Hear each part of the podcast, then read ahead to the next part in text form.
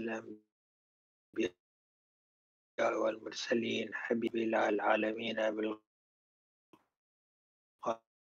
بالقاسم محمد وعلى آله الطيبين الطاهرين لعن الدائم على أعدائهم وظالميهم إلى قيام الدين.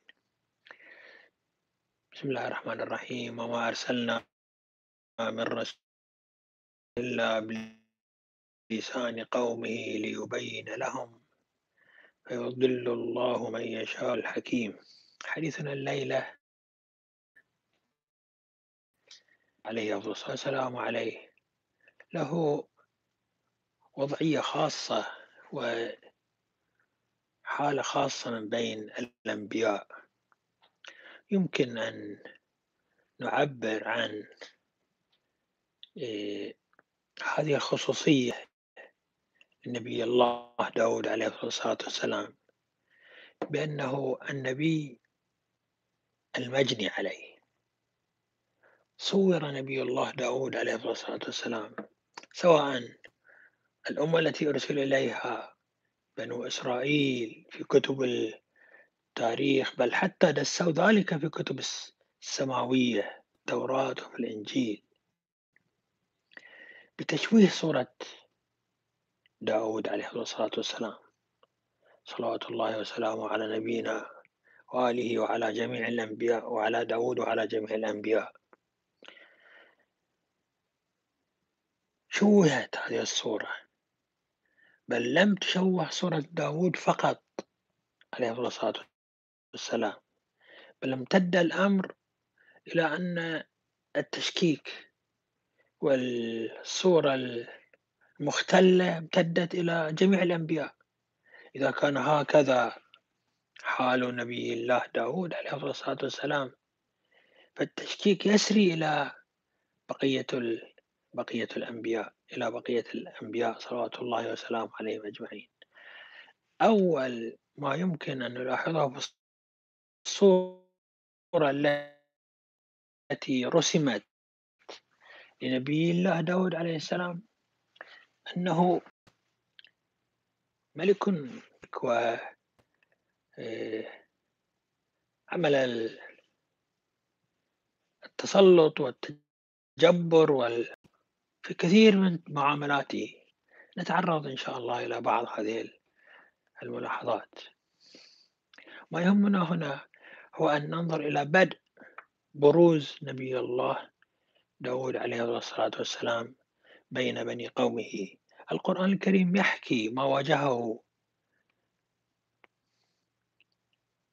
تلك المجموعة في ذلك الزمان ذلك الجيل من تسلط الجبابرة على قوم من بني إسرائيل على بني إسرائيل. حكى الله عز وجل كيف ذهبوا بعد أن شعروا بمرارة الظلم الذي مارسه عليهم. المتجبر جالوت. ذلك الطاغية الذي يمتلك الجيوش والقدرات. فرض على بني إسرائيل الهجرة والاستولى على أموالهم وعلى ديارهم. اشتكوا إلى نبي لهم كما حكى ذلك القرآن الكريم. فخ يا رسول يا نبي الله اجعل لنا ملكا نقاتل به نخرج من سلطة هذا المتجبر جالوت. فاختار لهم نبي الله سلطانا قائدا عسكريا يخرجون معه. فبدأ تذمرهم وبدأ تراجعهم. هنا ننطلق من معرفة نبي الله داود عليه الصلاة والسلام. تراجع الكثير منهم واتخذوا موقفا إيه، رافضا غير قابل بما أوصى به هذا النبي. ولكن نبي الله دعم دعوته بدليل وبحجة لا يمكنهم أن يردوها. إن آية ملكه أن يأتيكم التابوت هذا التابوت الذي كانت له القدسية عند بني إسرائيل. ينتصرون به ويجعلونه شعارا ورمزا ينصرون به على أعدائهم. فقدوه لسنوات. الله سبحانه وتعالى جعل رجوع هذا التابوت آه، حجة عليهم.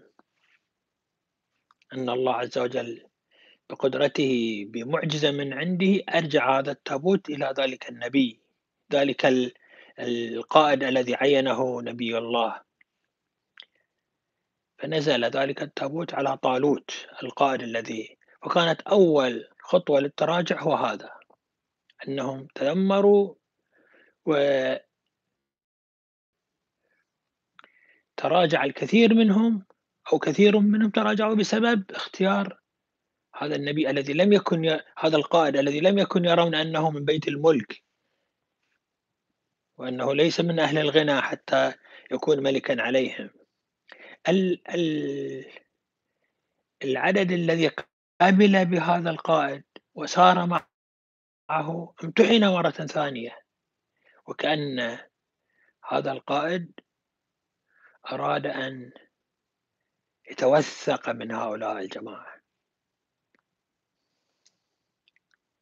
وقال لهم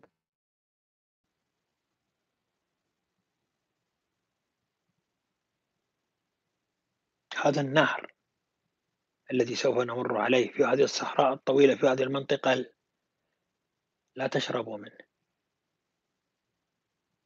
فمن شرب منه فليس مني. هذا امتحان من الله عز وجل بأن لا تتناولوا من هذا النهر إلا من اغترف غرفة بيده. يعني لكم أن تأخذوا من هذا النهر مقدار ما ترفعون به. حرارة العطش حد العطش. وكان هذا امتحانا يتوثق به طالوت منهم. فأيضا فشل من هذا الامتحان جمع كبير منهم الذين تجاوزوا هذا الامتحان. وجهوا بامتحان ربما أصعب من الامتحان الأول أو الامتحانين الأولين.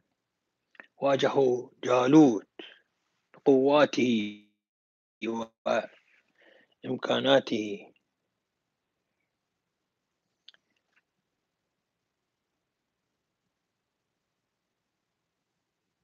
ولما برزوا لجالوت وجنوده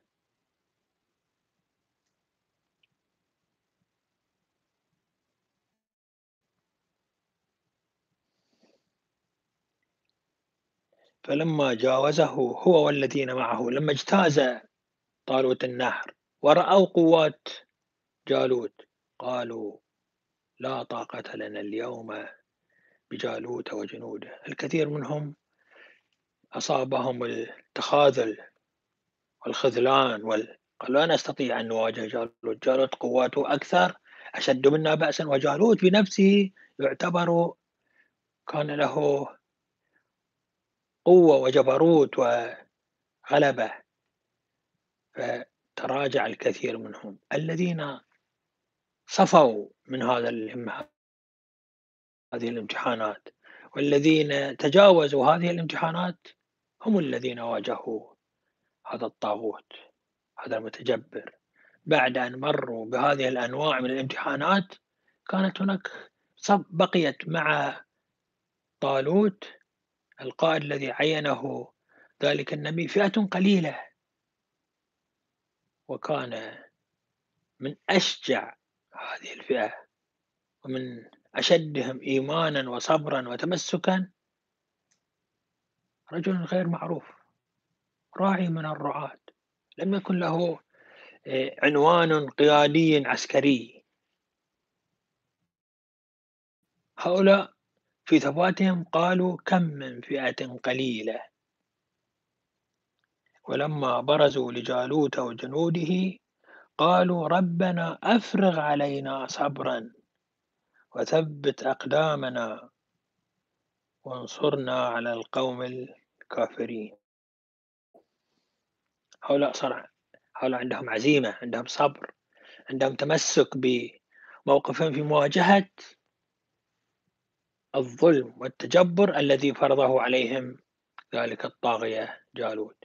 كان على رأسهم نبي الله كان أحد أفرادهم غير المعروفين نبي الله داود عليه الصلاة والسلام ولكن تبين بأنه من أقواهم وأش من أقواهم وأشدهم صبرًا وإيمانًا و برز إلى جالوت وهزمه بإذن الله.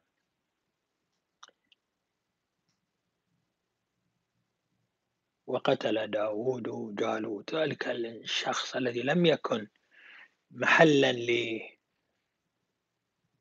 آه، يملأ عيون الناس أو تنظر إليه الناس بمنظر القدرة والقوة. لم يكن له تلك المكانة. كان إنسانا متواضعا عاديا ولكن كان في داخله صلابة وقوة. برز إلى ذلك الطاغية جالوت وقتله. انتصرت قوات المؤمنين. انتصرت القوات التي تبعت الأنبياء وسارت على نهج الأنبياء. وأصبح داود عليه الصلاة والسلام هو القائد الذي استحق أن يعطيه الله عز وجل الخلافة والملك. فهزموهم بإذن الله وقتل داود جالوت وآتاه الله الملك والحكمة وعلمه مما يشاء. داود عليه الصلاة والسلام ليس فقط يمتلك الصلابة والقوة في مواجهة هؤلاء بل إن الله عز وجل فتح عليه من المكانة ومن ال... هنا نرى هذا ال... هذه الشخصية شخصية داود عليه الصلاة والسلام شخصية نبي الله الذي كان شخصا مغمورا شخصا لا لكنه بقدرته بعزمه ب واجه ذلك الطاغية وانقلبت موازين المعركة لمصلحة الفئة المؤمنة. هكذا كان نبي الله داود.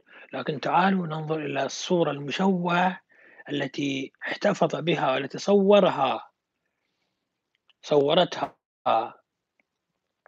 كتب وتاريخات بل ما سمي بل ما دسوه في الكتب المقدسة صورت نبي هذا النبي على أنه عسكري لا يبالي بالعدل ولا بال وهو ملك متجبر كسائر الملوك. ولاحظ أن هذا هو ديدا. والأسلوب المعتاد الذي يمارسه أهل الضلال. بعد أن كانوا في حاجة إلى من يقودهم للخلاص من جالوت. وتبين بأن داود عليه الصلاة والسلام يمتلك هذه الإمكانيات. عادوا وصوروا داود عليه الصلاة والسلام بأنه يريد الملك عليهم يريد التسلط عليهم. داود حاله وحال سائر فلننظر ما كتبوه وما عرفوا به داود وما تحدثوا به عن داود عليه الصلاة والسلام. أولا هو صوروا على أنه ملك متجبر يفرض أمره وإرادته بدون اعتراف بحق الآخرين. وثانيا صوروا أيضا داود عليه الصلاة والسلام بأنه أقرب إلى الإنسان الشهواني الإنسان الذي يمارس يتبع شهوته ويسير حيث تسير أهواءه ولا يبالي بقانون ولا بحكم ولا ب. فينقلون في كتبهم وينقلون في بل مع الأسف الشديد أن هذه الأمور وصلت إلى التوراة إلى الكتب المقدسة وصور بها داود عليه الصلاة والسلام أنه كان ذات ليلة في على سطح داره فرأى طيرا فخرج خلف ذلك الطير. كان ربما يصلي أو على اختلاف الروايات. صار خلف ذلك الطير صار فرأى امرأة تستحم فأعجب بجمالها فسأل عنها فقيل أنها زوجة أحد قواده العسكريين.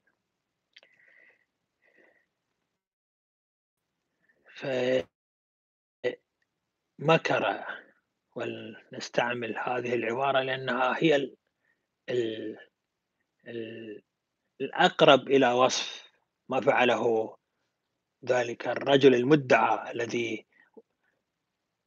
العمل الذي نسبوه إلى نبي من أنبياء الله عز وجل المطهر المجلل عن هذه نسبوا إليه هذه التصرفات. فأرسل إلى أوريا هذا القائد العسكري أن ائتي إلي. أولا نسبوا إليه حتى أفعالا قبل أن يقتل قبل أن يتخلص من زوجها. بل هم ينسبون إلى أنه والعياذ بالله والعياذ بالله حملت منه وقعها فحملت منه فأرادت تغطية على هذا الفعل. فاستدعى هذا القائد وأراد أن يظهر بمظهر الزوج العادي الذي يعيش مع زوجته. فلم يتمكن من تحقيق ذلك فاستعمل أسلوبا آخر أرسل إلى قائده العسكري أن قدم أوريا. أوريا هو أحد أحد القواد في المعركة. قدمه أمام المعركة ثم تراجعوا عنه حتى يقتل. فكم من خطيئة أدهى من الخطيئة. نسبوها إلى نبي من أنبياء نسبوها إلى ذلك العبد الصالح الذي تحدث عنه القرآن الكريم.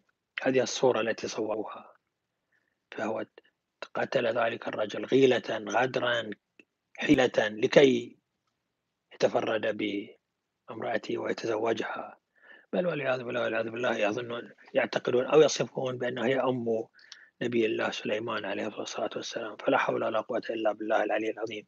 ولعلنا نقرأ مقطعا ممن عالج به الإمام الرضا عليه الصلاة والسلام في الرواية المروية عنه كيف رفض رفضا باتا لأن هذه القضية وهذا النقل بلغ التأكيد عندهم في كتبهم في تاريخهم في كتبهم المقدسة حتى أنه سرى تسرب إلى بعض المسلمين في تفاسيرهم على فعله ولا حول ولا قوة إلا بالله. فقال الإمام الرضا عليه الصلاة والسلام نافيا ومستنكرا هذا النقل وهذا التصوير. فسأل محاوره ما الذي يدعى الأنبياء؟ فقال أما فلان فكذا أما آدم فكذا أما داود فقد نسب إليه أنه قتل أوريا وتزوج من زوجته. فكما في الرواية الإمام رضا عليه السلام ضرب على جبهته وقال إنا لله وإنا إليهم وإنا إليه راجعون. لقد نسبتم نبيا من أنبياء الله إلى التهاون بالصلاة لأنهم يقولون أنه كان يصلي فرأى طيرا فخرج قطع صلاته ولم يبالي بصلاته وخرج خلف الطير حتى خرج في أثر الطير. ثم بالفاحشة عمل الفاحشة مع المرأة ثم قتل زوجها. قال له المحاور يا ابن رسول الله فما كانت خطيئته؟ إذا لماذا في القرآن الكريم ورد أن لما جاء لما تسور إليه الملكان المحراب بعد أن حكم بينهما خر راكعا وأناب فكأن هناك خطيئة. فقال له ذلك المحاور يا ابن رسول الله فما كانت خطيئته خطيئة داود. لاحظ هذه المسألة. لماذا خر داود راكعا وأناب حينما جاء إليه الملكان واشتكى واشتكيا إليه واشتكى إليه أحدهما على الآخر؟ ما الذي جعل داود يشعر بالتأنيب ويخر راكعا؟ قال عليه الصلاة والسلام. ويحك. إن إنما ظن أن ما خلق الله عز وجل يحكي عن الصلاة والسلام خلقا هو أعلم منه. فبعث الله عز وجل إليه الملكين فتسور المحراب مفسرا الإمام الرضا عليه السلام. ما ورد في القرآن الكريم حول الملكين اللذين جاء إلى داود فقالا أي الملكان؟ خصمان بعضنا على بعض فاحكم بيننا بالحق ولا تشطط. واهدنا إلى سواء الصراط. إن هذا أخي له تسع وتسعون نعجة. ولي نعجة واحدة. فقال أكفلنيها وعزني في الخطاب يعني غلبني في في الخطاب وفي الحوار. فحكم داود عليه الصلاة والسلام. على المتعدي منهما الذي تعدى ولكن أراد الله عز وجل أن يؤدب نبيه ويؤاخذه على خطيئة ربما لا يلتفت إليها الإنسان. هكذا يكون تأديب الله لأنبيائه. حيث أن داود عليه الصلاة والسلام بعد أن استمع إلى المشتكي حكم له بأنه بعد أن قال له إن هذا أخي له تسع وتسعون نعجة ولي نعجة واحدة فقال أكفلنيها وعزني في الخطاب. قال داود عليه السلام لقد ظلمك بسؤال نعجتك لا نعاجة. الخ... الخطأ أو التربية الربانية التي راعت في داود عليه الصلاة والسلام حيث أن الله أراد من أنبيائه إلى أن يكونوا في كمال العدل وفي كمال الحكم الشرعي الصحيح والإصدار الأحكام الشرعية الصحيحة فكان التأديب على تعجله في إصدار الحكم قبل أن يستمع إلى الطرف الآخر قبل أن يستمع فقال عليه فقال الإمام رضا عليه الصلاة والسلام كما في الرواية فعجل داود عليه السلام على المدعى عليه فقال لقد ظلمك بسؤال نعجتك إلى نعاجه ولم يسأل المدعي المدعى البينة على ذلك. لم يسأل المدعي البينة على ذلك. ما سأل صاحب الدعوة قال له أين بينتك؟ ما ما طبق الإشكالات الإجراءات الشكلية التي للحكم الشرعي للحكم والقضاء.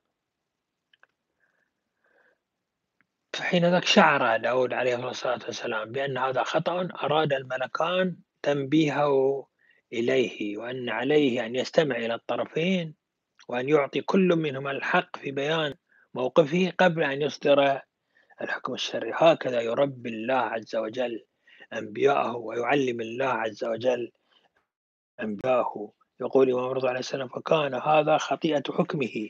لا ما ذهبتم إليه أنه الملكان يريدان أن يقول له بأنك أنت عملت هذه الأعمال. ألا تسمع قول الله عز وجل؟ يا داود إنا جعلناك خليفة في الأرض. فاحكم بين الناس بالحق ولا تتبع الهوى فيضلك. أبعد أن قال الله عز وجل لداود يا داود إنا جعلناك خليفة في الأرض. فاحكم بين الناس بالحق ولا تتبع الهوى. يمكن أن يكون هذا سيرته يمكن أن يكون هذا تصرفه. يعتدي على المرأة يقتل زوجها يتزوج تلك المرأة فقط لإشباع شهواته. هذا أمر مستحيل في سيرة الأولياء. بل إن القرآن الكريم يؤكد عدم إمكانية وقوع هذا من مثل داود عليه الصلاة والسلام. أقول هذه الصورة المنحرفة التي أرادوا تصويرها لنبينا لنبي الله داود. عليه أفضل الصلاة والسلام. هذه الصورة لا تليق تماما بالبيانات الربانية الإلهية التي أكدت كمال الخلق لداود عليه الصلاة والسلام. قال تعالى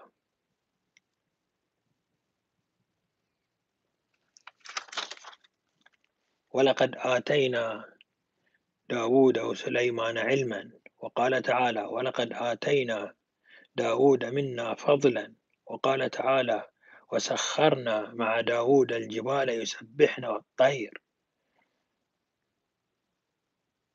وقال تعالى إنا سخرنا الجبال معه يسبحن بالعشي والإشراق وقال تعالى والطير محشورة إنا سخرنا الجبال معه يسبحن بالعشي والإشراق والطير محشورة كل له أواب. هكذا كانت سيرة داود عليه الصلاة والسلام. الخشوع التهجد البكاء من خشية الله عز وجل.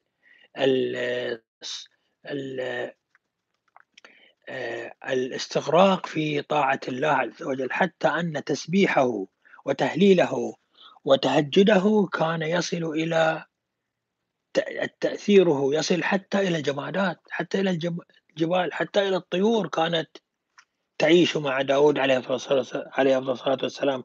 هذه الحالات. إذا كان أنبياء الله عز وجل قد أثروا في البشر فداود عليه السلام أثر في البشر بل أثر حتى بسائر الموجودات.